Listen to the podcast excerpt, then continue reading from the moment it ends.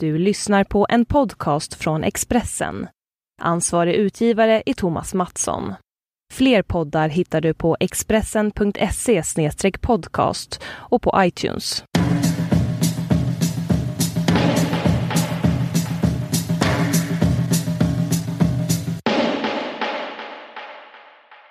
Hallå i stugorna!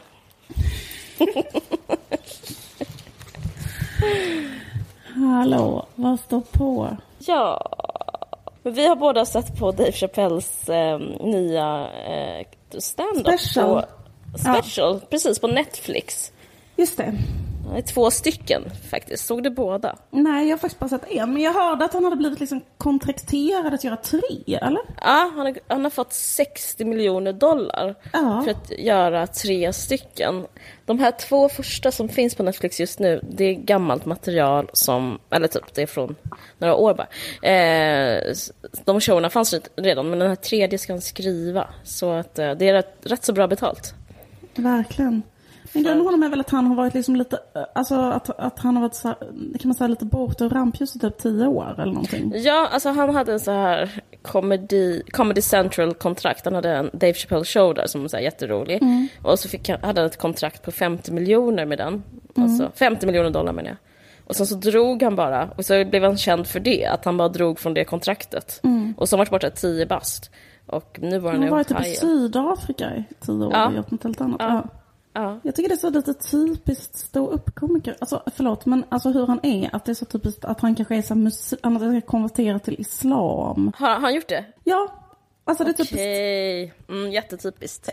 liksom att så här, han bor på en jättestor gård. I Ohio. Ja, typ så här någonstans liksom off på landsbygden. Och är liksom konvertit kanske. Alltså typ så här, jag vet inte, tycker det, det är liksom något med det där. jag vet inte vad jag vill säga med detta men Men det, men det är typiskt vattumän. Jag undrar om han är född, undrar om han är född i januari. jag, jag googlar nu. Googla nu, för att För det det, är här, så... för det här är viktigt. Vad är Dave Chappelle för stjärntyp? Jag, vet du vad jag gissar innan jag googlar? Stenbock gissar jag. Jag gissar vattumän, men nu kör. Va? Vi hade extremt fel. Okej, han är självklart lejon. Det är också väldigt typiskt. Det är nästa Stor. vattuman. Ja, helt galen person. Absolut. Du vet att jag är um, Vattuman. vattuman? Mm. Jag, men jag gillar vattumän. De går sin egen väg och är självsäkra. Lejon, helt galna. Så absolut, det passar också. Du vet min tes om... Vad? jag, jag, har en, jag har en vattentät eh, hypotes. Vad?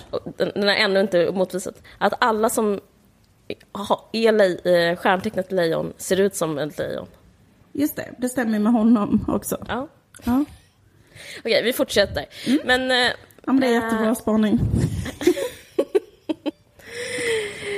Eh, vad, var vi, vad pratar vi om nu? Ja men Dave Chappelle, precis. Eh, jo, jag, jag, tyckte, ja, men jag tyckte, jag har liksom en sentimentalitet som handlar om eh, mitt eget liv såklart. Som handlar typ om så här, eh, jag har massa halvbröder ju. Och typ och min gemenskap med dem är typ lite, vad ska man säga, lite så här ortig. Och i den ortigheten så ingår liksom, finns ett kanon där typ Chris Rock, Dave Chappelle, eh, Tribal Quest och typ kanske Prince och alla sådana här, ha, där hans kanon ingår. Så att jag har en sån, för mig, jag känner typ att det är en bror. Som, Ja. jättemycket så här, min bror är på TV, fan vad kul. Och allt han säger eh, är Jättekul bara... och bra. Ja. Ja, ja, för det är så här, det är som vanligt. Det, är, det finns en slags... Eh, jag känner mig så otroligt hemma med, eh, med, med Dave Chappelle. Alltså, det är som att han tillhör min familj. Så jag har liksom, jag har en så här, jag har en väldigt så här välvilligt skrockande från början om du fattar. Så såhär, se, där är han, fan vad mysigt. Men eh, jag vet inte, jag tyckte inte det var så bra. Eller det var inte så bra, det måste man ju säga. Det kanske var en tre av fem kanske. Okej. Eh, Ja men precis, men jag skulle säga exakt, jag skulle säga, jag skulle säga, jag skulle precis säga, men här, sex av tio eller något liknande. Ja. Ja. Men jag tycker också, men, men eh, jag måste säga att han, han, eh, han har ju något. han har ju verkligen det här myset, alltså typ det bästa tycker jag är så här. Det bästa är så här. Det, det som är mest härligt att titta på, det tycker jag bara är hur han är då, att han är så Ja. extremt begåvad scenpersonlighet. Mm. Typ när han så här skrattar och böjer sig ner och backar lite bakåt. Det är det bästa. Det är det, det är bästa. sånt jävla mys. Men, men, men det tycker jag, när man, man när man är en sån här stand-up komiker som typ har kommit dit, Mm. att man har en sån signature skratta åt sitt eget skämt ehm, grej. Mm. Att, alltså, som det är som typ Zlatans segergest eller vad som helst. Mm. Alltså, det är så det, det är bara, det är 100% mys. Man vill bara vara där. Man vill aldrig att tiden ska ta slut. Mm. Precis. Att han, att han, ska, att han står och så fnissar åt sig själv och, och böjer sig och Just tar det. sig för knäna och sånt där. Det är Ja. så mysigt. Extremt mysigt. Men en sak tycker jag var lite intressant. Mm. Alltså, det är inte så intressant, men de måste här pusha fram någonting som är Mm. intressant. Så tänker jag på att han pratade om Bill Cosby. Mm. Alltså det fanns en sak som brann till pyttelite. Mm. Och det var han, en, det är ett skämt som är, jag vet inte om det var den du såg eller om det var den andra. Som men det så här- var det, för jag såg om Bill Cosby. Ja. Ah, Okej, ah, okej, vad bra. Men då var det så här. Men eh, han hade en show någonstans och sen så pratade han 25 minuter om Bill Cosby och så skrek en kvinna eh, typ sluta prata med honom, typ han är hemsk. Eh, och sen så, säg, så sa han, ja ah, du kanske har rätt typ för att han har begått, gjort massa, våldtagit massa. Och så säger hon så här, eh, women suffer, eh, säger Dave Chappelle att hon sa. Då säger, svarar Dave Chappelle, I know. Och så säger hon så här, "And no, women suffer. Och så säger han, I know. Och så bara, women suffer, säger hon igen. Hon, han bara, jo men jag vet, typ, det finns massa feminister här, eller män som definierar sig som feminister, och det är jag också. Och jag vet att ni li, lider kvinnor. Och trust me, typ, I know, på grund av då att han är en eh, så afroamerikansk eh, komiker. Och, då så, och sen säger hon så här, berättar han, eh, women suffer typ as much as you do. Och då blir hon så här, hold it bitch, typ. Det gör ni inte, typ. Vänta lite nu. Kvinnor, jag, hör er kamp, men alltså det vi har gått igenom, alltså det, eh, det går liksom inte att jämföra med typ kvinnors lidande. Om det tycker jag är rätt så intressant, för att det är någonting med att han pratar om Cosby som är svårt att liksom sätta fingret på vad som är intressant men jag tänker att Cosby är som typ en underdog han, han, han led också typ. Jag vet inte, jag undrar, alltså det är någonting med det som, eh, som Dave Chappelle håller på med. Alltså, som, som är liksom tveksamt, att hålla på att jämföra lidande och att kvinnor lider mindre. Än, men, men det är som att det är det som tar, tar upp hans tid lite. Men alltså, jag tyckte det var rätt så ytligt, han utvecklar inte det. Men jag skulle typ gärna så här... Det känns som det där fanns en slags smärtpunkt som kanske jag vet inte, kanske finns någonting där. Jag vet inte vad man ska säga om det, men... eh, ja, jag vet inte. Vad tänkte du på det? Ja, men jag tänkte inte just på det exemplet, men jag tänkte på något annat exempel. Men så här, det är kanske lite känt. Så här, jag såg att det var lite så här omdebatterat för att han har blivit kritiserad då för att han gjorde typ en liknande grej där han liksom jämförde så här, transpersoners mm lidande. Då, eller typ att han var så här, gud vad bra att som, som alltså, han pratade om det här med att Bruce Jenner, eh, Just det, eh, ja. vad heter det, könskorrigerade sig till att vara Caitlyn Jenner. Och det var en så här, som amerikan så blir jag bara så här, gud vad bra, alla kan vara vem de vill. Så as an American så är jag helt för det, men as a black American så är jag så här, vad fan, de skjuter fortfarande oss i förorten och vad ska mina black brothers liksom vara tvungna att göra? Ska de behöva gå runt med heels ute i förorten för att folk ska behandla dem med respekt? Ja, Förstår du precis. skämtet? Ja. Eller du kommer ihåg detta? Ja, men jag tror att skämtet var typ så här, när, i och med att det är så farligt i förorten, det enda de kan göra för att skydda sig, det är att dress up liksom som en Just det, transperson. Och så går de där, så här, riktiga så här, gangsterkillar och går omkring med så här Högklackade skor. För att det är det de har enda liksom som mer, ger För att transpersoner har mer skydd än Ja. vad liksom svarta har.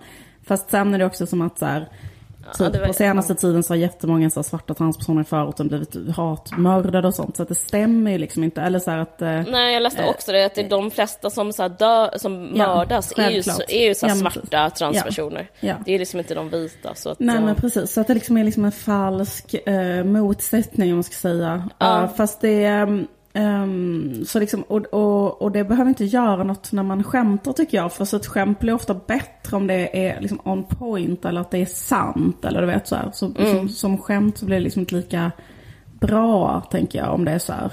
Nej, precis. Att man tänker så här, ah, men så där är det inte. Och eh, sådär liksom. Men... men Nej, liksom, fast, fast ändå tyckte jag, fast det, så här, man skulle kunna tycka det är lite upprörande. Men ändå tyckte jag liksom det är någonting med hela... Det fanns en loj, en loj stämning i, hela showen som gjorde att ingenting blev kontroversiellt heller, utan allting blev så här... Ja, där står han, han säger det typ av skämt. Alltså man... Det, var, det gav en som tittare så rätt så lite känslor. Håller du med om det? Att liksom, det, gick ja. inte, det gick inte liksom att så här rasa heller, utan man bara... Nej, gud nej. Alltså, det gick bara så här, ja, jaha, ja. Typ ja, så. alltså gud, nej, nej, verkligen inte. Men alltså, så tänker jag också att så här, ibland så när man hör någon göra en sån typ av politisk spaning, menar mm. jag. Mm. Eh, typ någon annan Bill Burr eller någon sån människa gör det.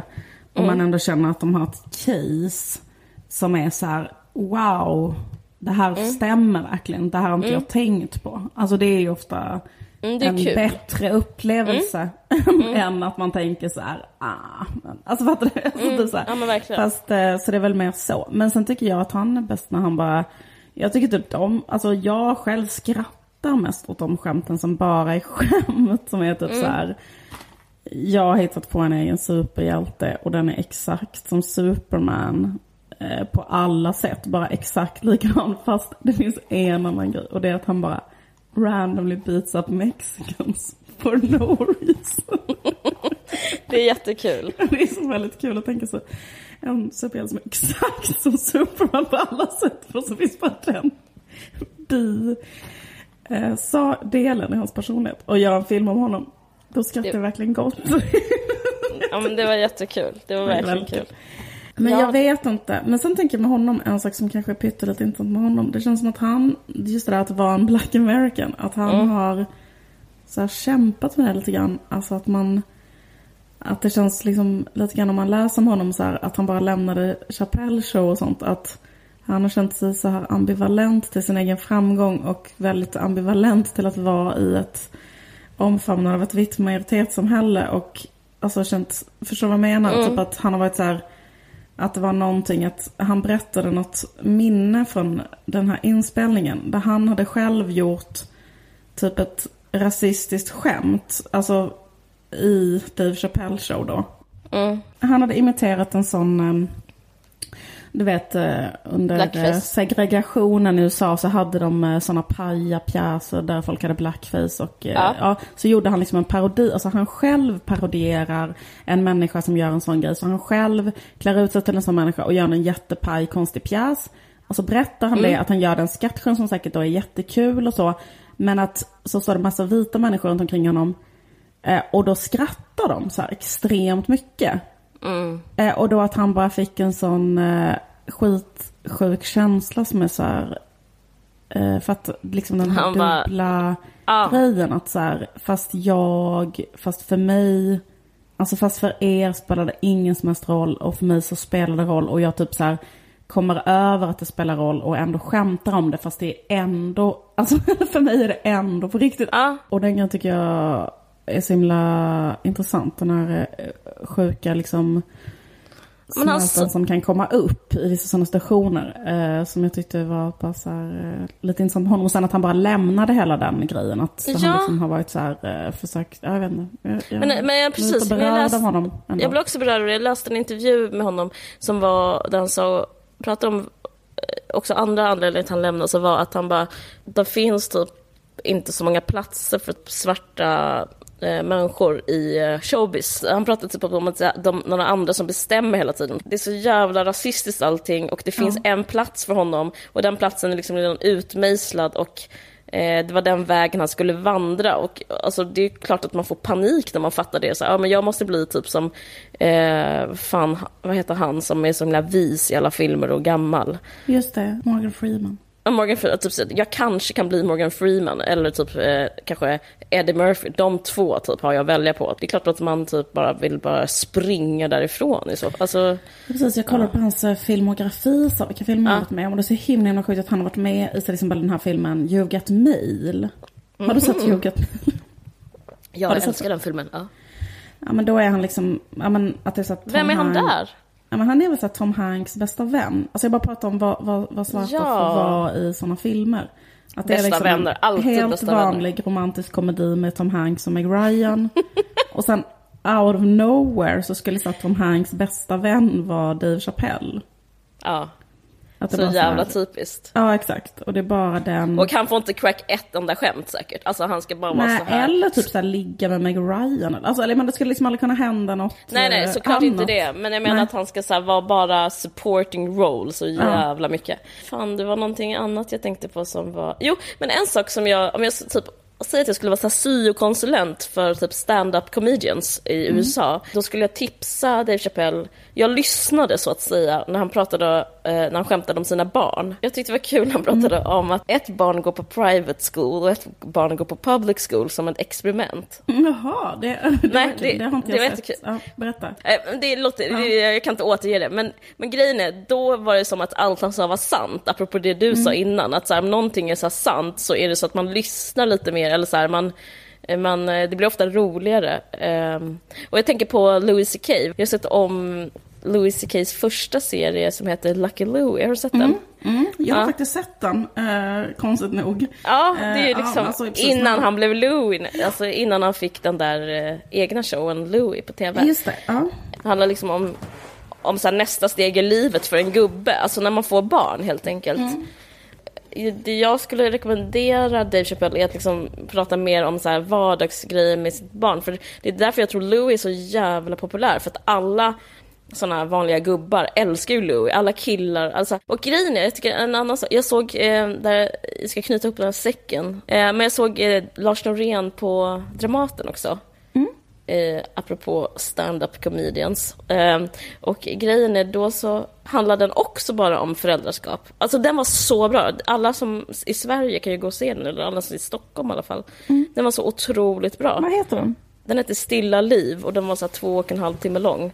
Och de sa inte ett enda ord. Nej, så det finns inte en, en replik. Ja. Nej, precis. Och allting handlar om samma sak. Dels handlar det om migration, som en slags ramberättelse. Och man fattar allting. Ingenting, det är inte svårt att fatta. Det är liksom bara... Jag, jag fattar inte hur han har gjort det. Han är så jävla briljant. Och sen så, liksom, inom den här ramberättelsen så handlar allting om avsked. Och avsked mellan förälder och barn. Så att liksom, Åh, det är också vad så här... Jag vet. Men det är så bra. Det är så... Mm.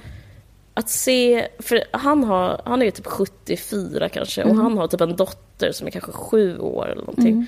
Så det är klart att det är det enda han tänker på, att han kommer dö och hon kommer leva kvar. Alltså det är, klart, jag hade, det är det enda jag hade tänkt på också.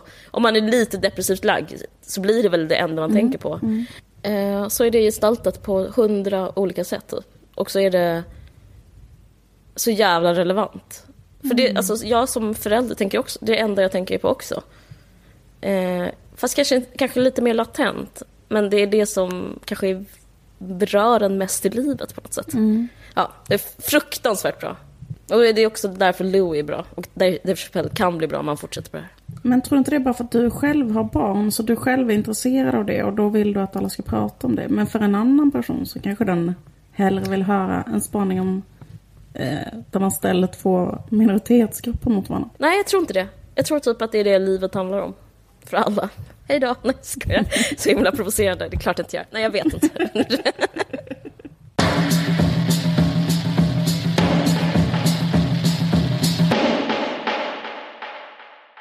Jag har varit sjuk. Mm.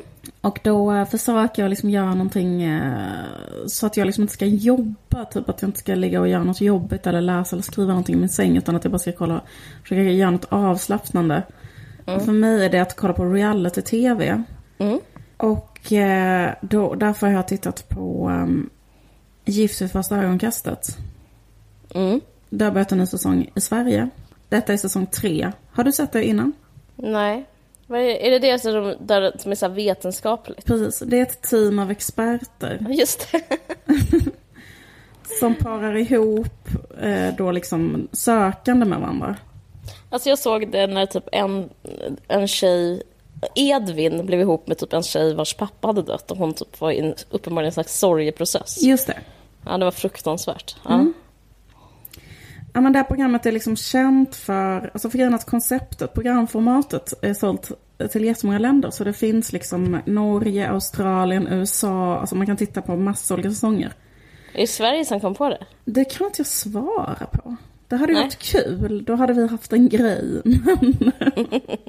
Någonting vid sidan av knäckebrödet Och ABBA. Mm. och ABBA. Jag, tror, jag tycker faktiskt inte alls att det känns som ett svenskt koncept. Nej. För att jag, jag, jag har nämligen också tittat på Gift vid första ögonkastet Australien hela säsongen. Det här är något jag delar med folk som, alltså, jag, jag tror att det är otroligt tittat på och att alla säsongerna är otroligt tittade på. Typ att det är så otroligt populärt. Ja.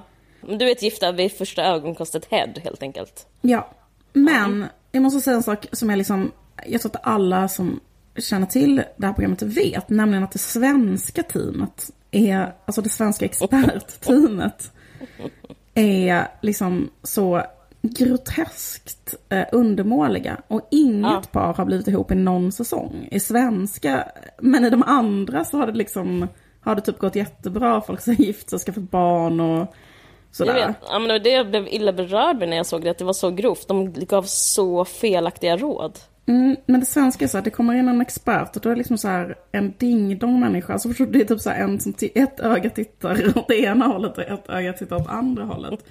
Och de har liksom så här jätterufsigt hår och typ har sminkat sig utanför munnen. Alltså varje gång det kommer in och så är det så här, det här är experten. Man bara, men det är ju, det är ju en galning som ni bara hämtat från Ja. och sen de så här, vi har gjort ett diagram. Och på det diagrammet så, det finns ju eh, då, de har ju gjort så här klassiska, helt sinnessjuka matchningar då i tidigare säsonger. Som alla, alla känner till säkert som har sett detta. Men typ att de matchade ihop, alltså för att det, jag tänker också det är så himla, om man då ska göra, för idén är ju så här. Eh, eh, anledningen till att så många är singlar, det är för att vi har för mycket valmöjligheter i dagens samhälle. Så att eh, liksom, det finns för många, till exempel i Stockholm, när, när det finns för många singelhushåll. Då liksom finns det så många singlar som man kan aldrig settle down. Alltså typ att man tänker att det finns alltid någon annan. Men ifall man bestämmer, och samma sak med, då med datingappar så att det bara blir värre och värre för att man kan se liksom, ja men här finns alla de här miljarder singlarna på. Ehm, ja, så det går inte att vara nöjd.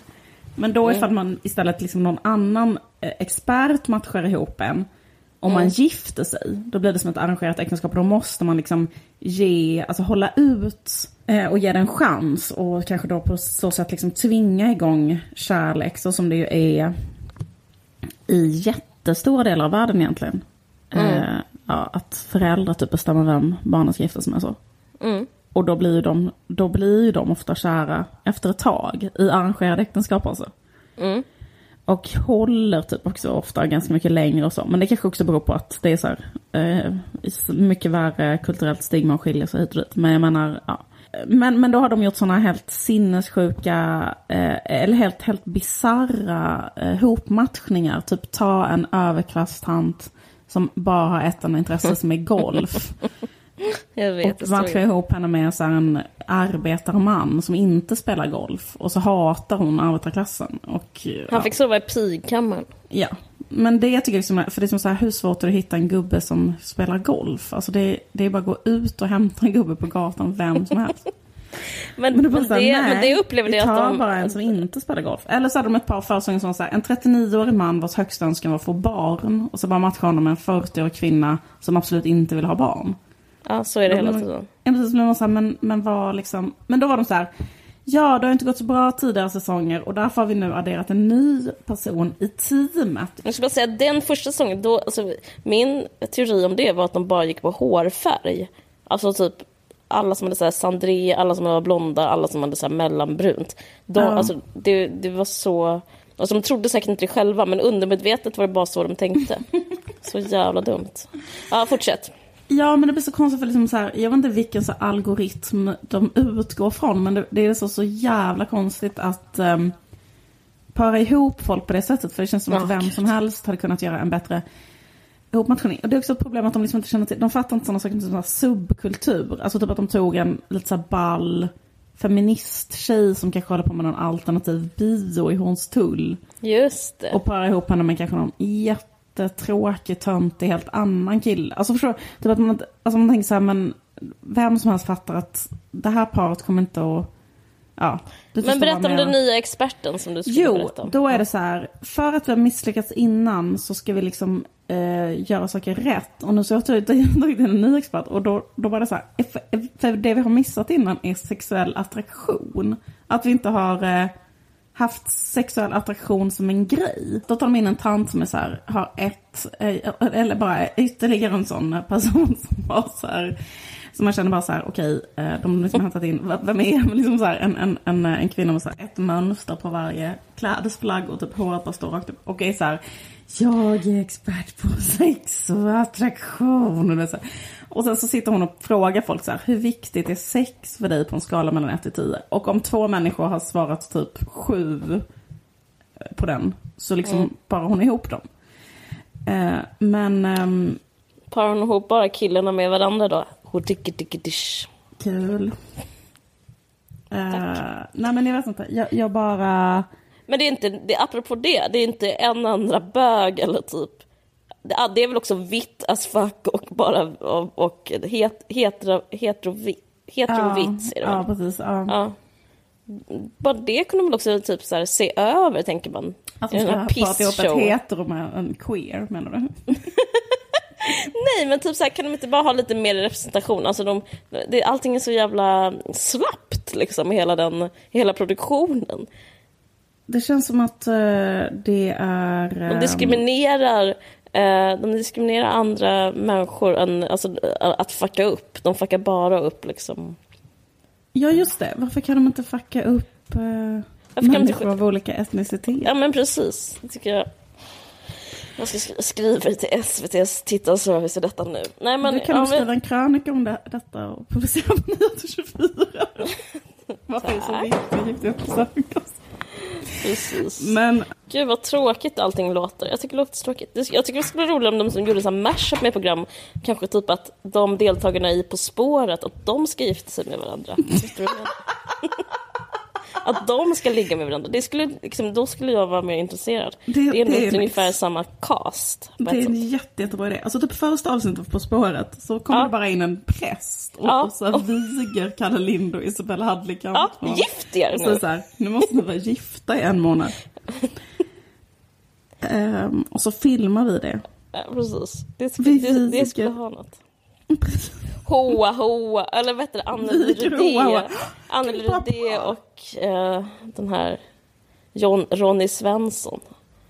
Just det. Vi De- viger ehm, ehm, Det är bara en idé. Gör vad ni vill. Johan Hilton och Kristin Lundell. Måste vi gifta sig. Ja.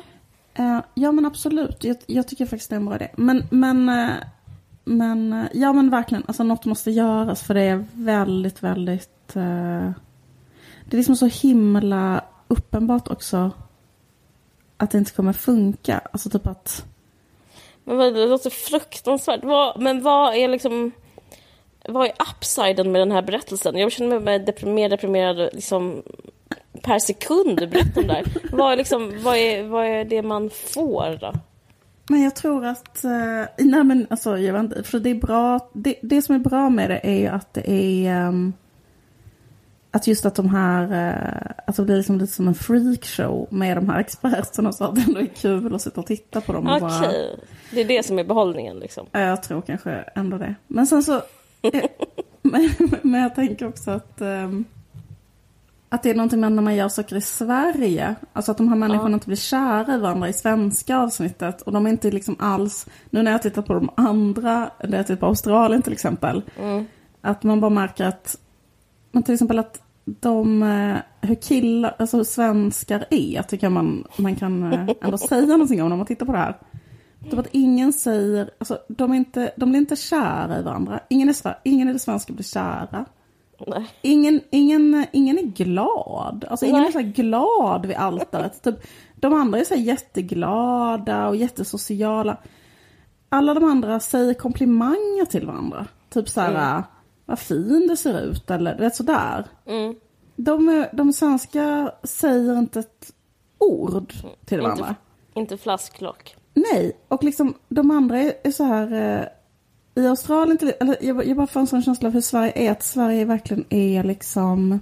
Hur mycket Sverige bara är så här en bonde en bondebefolkning som har bott, alltså det är bara så en generation sedan alla bodde så här i en sån Karl Oskar och Kristina Mm, så är det. stuga. Ja, att Ja, ingen och, är och witty. nu satt någon upp en kamera men ingenting har ändrats. Nej, alltså ingen är så på witty, ingen kan Nej. säga något snabbt, ingen kan vara kul. Alltså, den, den som är pyttelite så, den får typ en egen tv-show. Ja. Eh, Men den är ändå liksom trög jämfört med bara en människa på gatan i typ ett anglosaxiskt land. Förstår du vad jag menar? Jag förstår vad du Typ att en menar. helt vanlig människa i England Ja. Kan liksom hela tiden crack a joke, eller hur? Du, du förstår Ja. vad jag menar? Men ingen kan det i Sverige. Det var, det var, så, det var, så, det var så intressant. Man bara, fan vad det här är sjukt alltså. ja, det är efterblivet. Efter, fuck. och, och jag känner igen att, alltså jag menar att jag själv är så också. Men du vet att man bara är så här, att man bara känner sig... ehm, men typ så här, du vet, man, de, det var en sån bonde i Australien som bara säger skämt hela tiden. Typ så här roliga courtship-skämt hela tiden till den här tjejen och sådär. För att det bara är så här en jättenormal grej att vara så typ. Man bara har det i sitt snack. Men svenskar är så bara, har typ nästan inget ordförråd. Det finns nästan inga svenska ord. Det är jättefå ord. Kan inte bli kära. Har inget sånt sexuellt spel mellan kön överhuvudtaget. Har liksom inget, kan inte säga något kul. Kan liksom inte flörta. Kan inte, alltså du? Allting bara Men, men alltså, det de kan är, och det de kan är att supa. Och om jag skulle ge nu ett litet råd till det här är att Mm. liksom kanske föra in alkohol. För det har ju funkat väldigt bra till exempel i Big Brother. För svenskarna har en kultur och det är att vara liksom alkisar. Alltså att dricka jätte, jättemycket. Det är så man kommer vidare som svensk. Alltså, Ja. Det är så man Blir går ihop. ut, det är så Ja. man blir ihop. Eh, det är så man firar grejer, att bli så Ja. riktigt eh, nitad. Och det är också alla klasser, alltså det är, det är en sån klassöverbryggande grej. Eh, alltså överklassen kan supa med eh, arbetarklassen. Alltså det, så jag, ty- jag tycker det är liksom lite fel att inte så här tappa in på den grejen. Eh, för, ja, det, är så man, liksom, det är så man alltid blivit ihop annars. Precis, att man så här, är så full en- en annan sak man måste så här, tills man ligger med varandra. Liksom. Ja, precis. Men också en sak som svenskar inte håller på med, det är ju så att, att klä upp sig och vara högtidliga och ha en ritual och så. Alltså typ, det är ju ingen som har, alltså det är väldigt sällsynt ändå att ha ett sånt bröllop som man Mm. liksom tar någonting på allvar kanske. Ingen svensk kan heller så här, hålla ett tal eller ha på sig sina kläder. Alltså, typ så, här, så det ska mycket bättre att bara strunta i hela det. Mm. Och ha istället bara att man har så här, äh, jag menar inte alls vara snobbig, jag menar att det är så här, Nej men du är inte snobbig, eller jag menar det är ju bara som svenskar är, det är ju så. Jag gör bara en sån kulturantropologisk spaning. Vad ska man säga? Slutsatsen är att så här, tv-koncept är all ära. Alltså man säljer till olika länder. Men man kanske måste ändra innehållet lite. Mm. Utifrån kulturella förutsättningar. Eftersom, eftersom de här människorna då uppenbarligen typ inte kan så här det är- flörta, prata, Nej det är smärtsamt, det, är- det är något bara kul. helt tyst. De, bara står helt så här eh, förstummade och stirrar på varandra. Och sen eftersom de inte har fått I olika mycket- t-shirts. Alltså det är sån, jä- alla klär sig så jävla dåligt också. Exakt.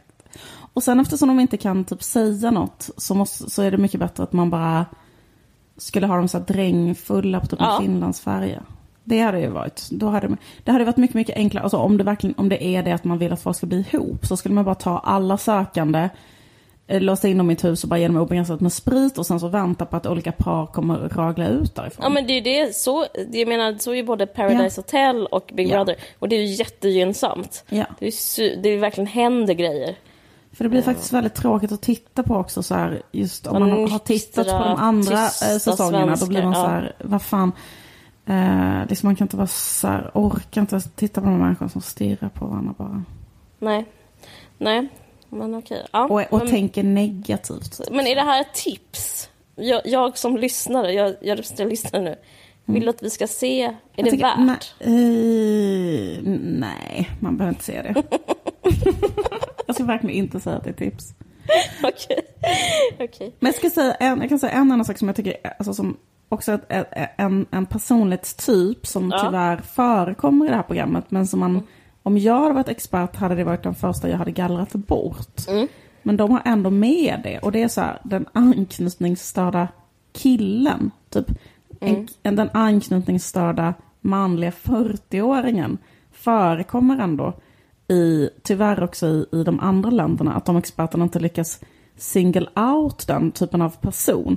Alltså du kan tänka dig så här, en kille som är 36 och hade sitt senaste förhållande när han var 23. Mm. Och sen så är bara, älskar sina killkompisar. Och bara bor själv. Och Just det, det. det är så hemskt för att ingen tjej ska behöva bli ihop med en sån kille. Nej. För det enda som händer är att han efter en sekund är så här, hon var inte rätt för mig. För att det tycker jag, det bara blir, blir liksom sånt eh, grymt, alltså det blir sånt grymt brutalt experiment.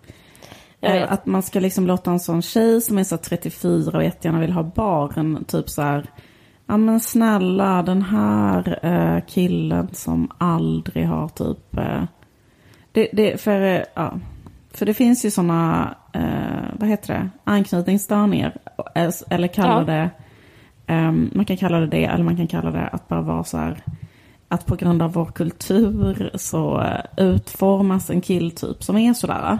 Mm. Finns kanske också tjejtyp, men nu tänker jag, just nu pratar bara om killtypen. Och Mm. då är det också den killtypen, om man vill på något sätt, om man på något sätt skulle vilja knäcka den killtypen och få den att ingå i heterosexuell tvåsamhet, vilket är liksom det här programmets eh, aim. Mm. Då kan man inte heller göra det som är den här personens största skräck, nämligen att eh, gifta sig första gången man träffar någon. Nej, men vad ska han där göra för, för, för, alltså, från första början? för det första borde han inte vara med. Men om Bara han stanna med, på KTH, vad ingen hindrar dig. Men precis, men jag tror att de ändå, liksom, i de här, när det är med en sån kille så säger han alltid så här, alla mina killkompisar har familj och jag är den enda som inte har det.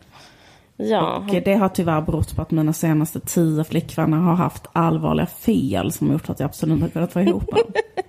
Men- Mina senaste 15 flickvänner. Men då tänker jag att man borde göra någonting annat med dem. Man kanske skulle kunna ha en sån här deal. Att de fick gifta sig med en första ögonkastet. Sen står det en annan tjej, det kanske är en jättesexig tärna. Som står bredvid. Och så programmet kan heta istället Otrogen första ögonkastet. så man, man säger till dem så här, nu måste du vara gift med eh, Veronica i en månad. Är det nå- något du absolut inte får göra, absolut, absolut, absolut inte, så är det att ligga med Linda, hon står här bredvid. Och jag säger så här, du får göra vad du vill, det finns bara en enda person som du absolut inte får röra och det är brudens bästa vän och hon står här. hon är blond. Eh, och hon är blond och har på sig något horigt. Och, eh, och så är hon inte brudens bästa vän, utan hon är någon som experterna har single out. Ja, ja, ja, I get it. Ja, men det är, Ja. det är en toppen idé. Det är toppen idé. Otrohet vid första ögonkastet. Det är så otrogen vid första ögonkastet.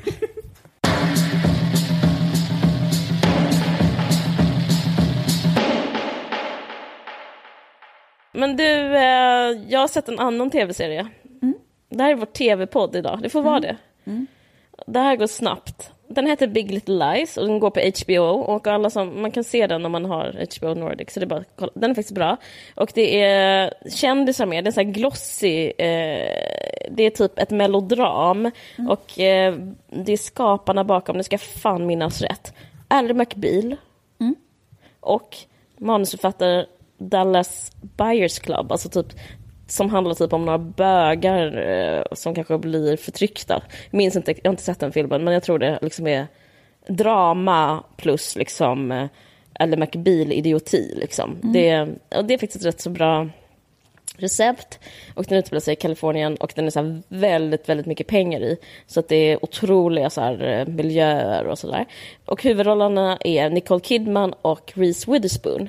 Så det, och det är rätt sådär saftigt liksom allting. Det känns så lyxigt och saftigt. Och eh, Nicole Kidman ihop med Alexander Skarsgård.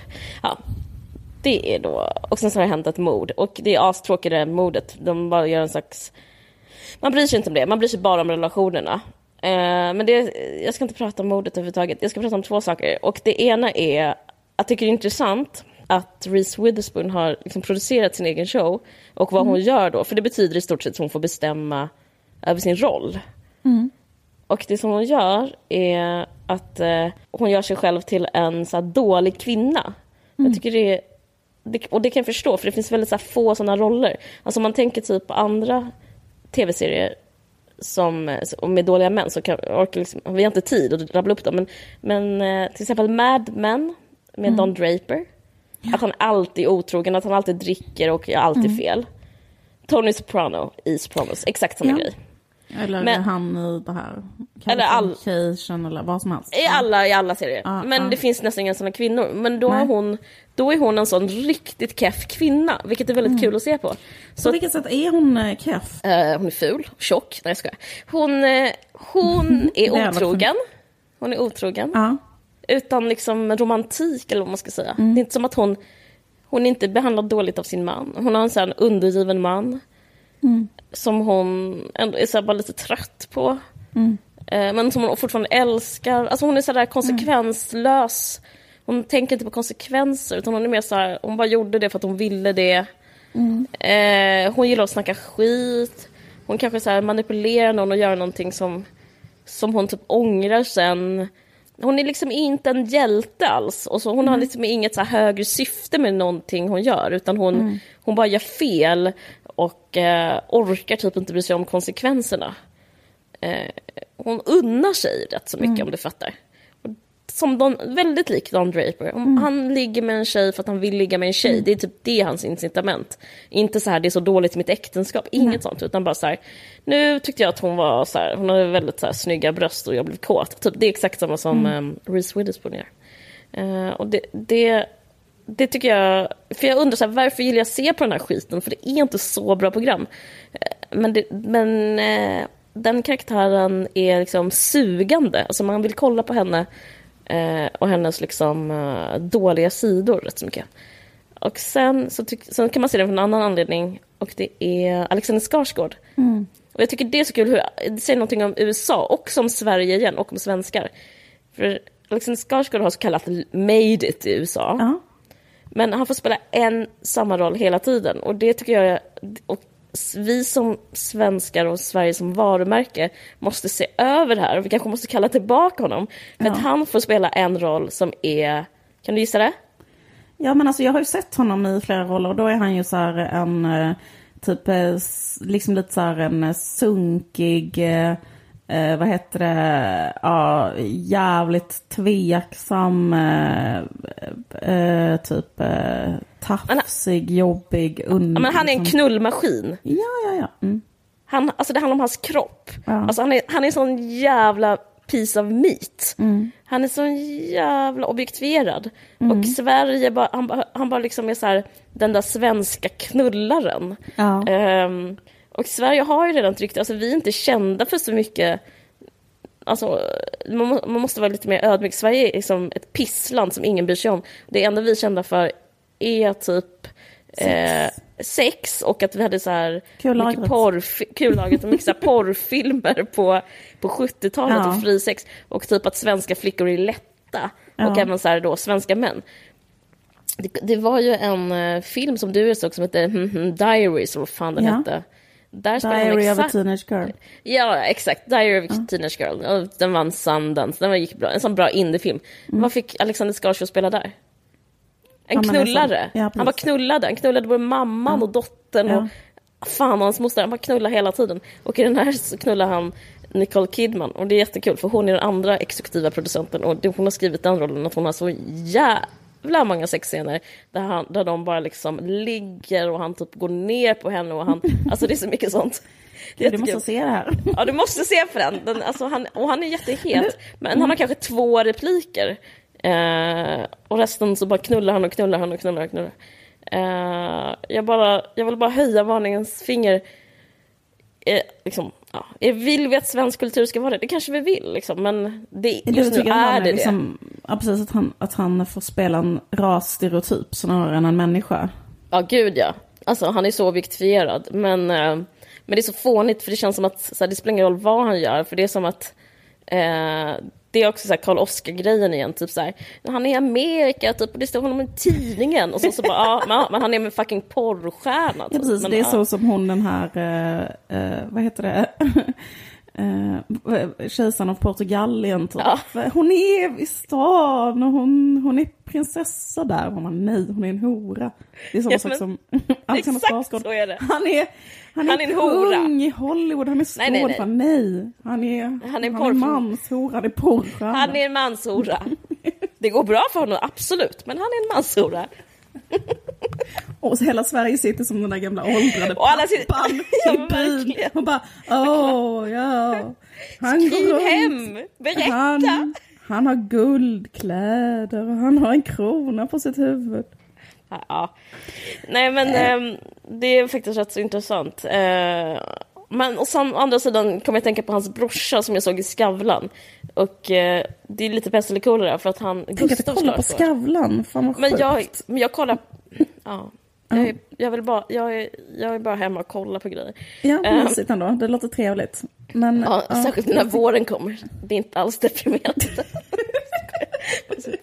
Nej, men, eh, men då så spelar hans brorsa Gustav Skarsgård såklart också, det här är så himla typiskt, hur, hur rasistiskt Hollywood är mot Sverige.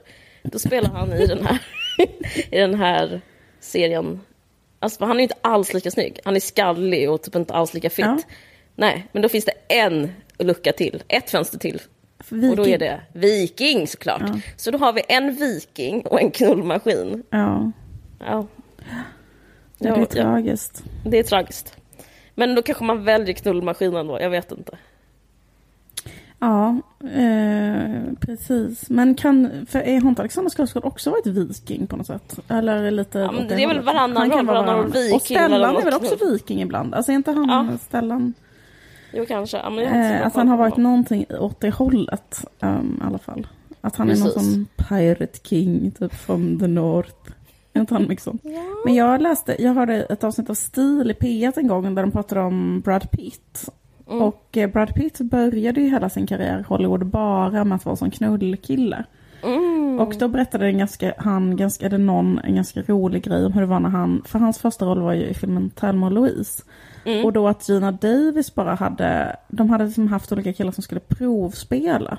Mm. Och då satt hon med, alltså jag, jag antar att hon inte castade, men hon var liksom med kanske och satt och kollade liksom vem hon skulle Ja, ha. hon kanske hade något säg någonstans. Liksom. Ja, och då så, så gick han, kom han in och så skulle han precis börja provspela och då sa hon så, "Shh, du behöver inte spela, Eh, vi anställer dig.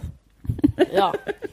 Men Och- alltså får jag bara säga, Ja. som, eh, som eh, tv-producent, regissör och manusförfattare, nej men Mm. så det förstår jag exakt. Så gjorde jag också i Josbarn, alla killar är ju snyggare, det är jag ju känd för också. Alltså det är klart att man vill omge sig av riktiga härliga godbitar när man... Det är ju så, det är så män har gjort i alla tider. Ja men precis, men det, det som var lite intressant med Brad Pitt var att han, så när han började i Hollywood, för det kommer jag ihåg Ja. sen när jag var liten, så kollade Ja. man ju, då var ju han så här att han alltid var, jag hade själv en affisch på honom i mitt rum när jag var liten. så det är gulligt. Det är så misstänksamt för du var inte så liten. Du, var, du, Nej, men jag, kanske, ja, men jag kanske var 14. du är för stor för... Ja okej, jag- det är okej. Det är okej. är man för stor om man är 14 kan man väl få ha en bild på en kille med bara överkropp? Eller? Är man för gammal för det då? Mm. Okej. Um, late bloomer. Men... men då... eh,